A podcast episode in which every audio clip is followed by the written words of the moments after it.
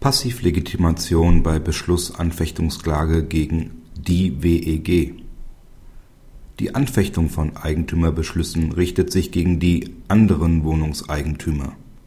Die Sammelbezeichnung Wohnungseigentümergemeinschaft soll nach alter Rechtslage jedoch ausreichen. Der Antragsteller ficht einen Beschluss in einem gegen die WEG M-Weg III gerichteten Verfahren an. Das OLG Karlsruhe hilft ihm Grundsätzlich ist derjenige Partei, der erkennbar durch die Parteibezeichnung betroffen werden sollte.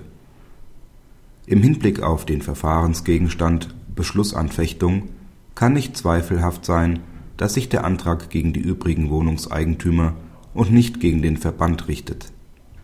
Praxishinweis Die Entscheidung mag zur alten Rechtslage zutreffend sein. Nach § 10 Absatz 6 Satz 4 WEG 2007 führt die Gemeinschaft die Bezeichnung Wohnungseigentümergemeinschaft, gefolgt von der bestimmten Angabe des gemeinschaftlichen Grundstücks. Deshalb dürfte für die Karlsruher Auffassung heute kein Raum mehr sein. Wer die Mitglieder des Verbandes verklagen will, muss diese in dieser Position auch zutreffend bezeichnen. Im Bereich des Gesellschaftsrechts wird auch nicht angenommen, dass eine gegen den Verband gerichtete Klage sich gegen dessen Mitglieder richten soll Deshalb gibt es schon eine strengere Instanzrechtsprechung.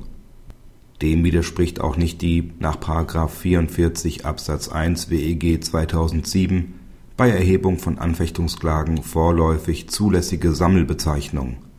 Damit soll nur eine Vereinfachung bis zur Vorlage einer Liste der Beklagten ermöglicht werden. Als Sammelbezeichnung nach § 44 Absatz 1 WEG 2007 käme daher in Betracht die Mitglieder der WEG, Straße, Hausnummer, Ort